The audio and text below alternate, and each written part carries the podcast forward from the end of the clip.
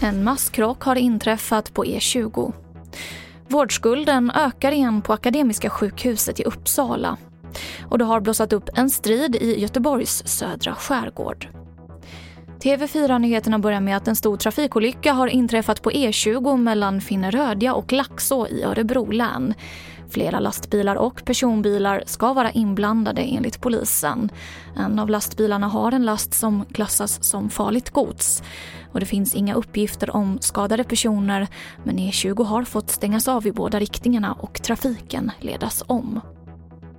Vårdskulden ökar igen på Akademiska sjukhuset i Uppsala. Det rör sig om operationer som ställs in bland annat på grund av att personal måste rycka in och arbeta på covidavdelningar. Extra satsningar på operationer under lördagar och söndagar hade planerats för att komma ikapp men har nu ställts in i och med covid. Men allt akut opereras och även cancersjuka personer.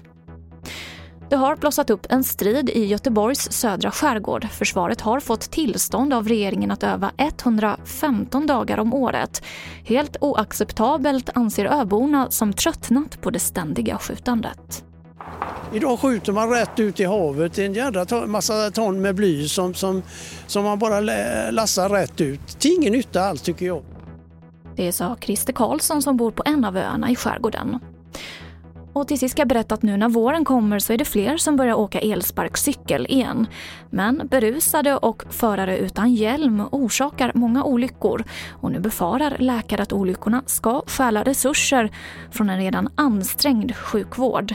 Enligt en studie från Salgrenska universitetssjukhuset så inträffade majoriteten av olyckorna nattetid där mer än hälften hade druckit alkohol. På Salgrenskas och Mölndals sjukhus akutmottagningar så ledde elsparkcykelolyckor till 152 sjukhusbesök och 15 operationer förra året. Och det var det senaste från TV4 Nyheterna. Jag heter Emily Olsson.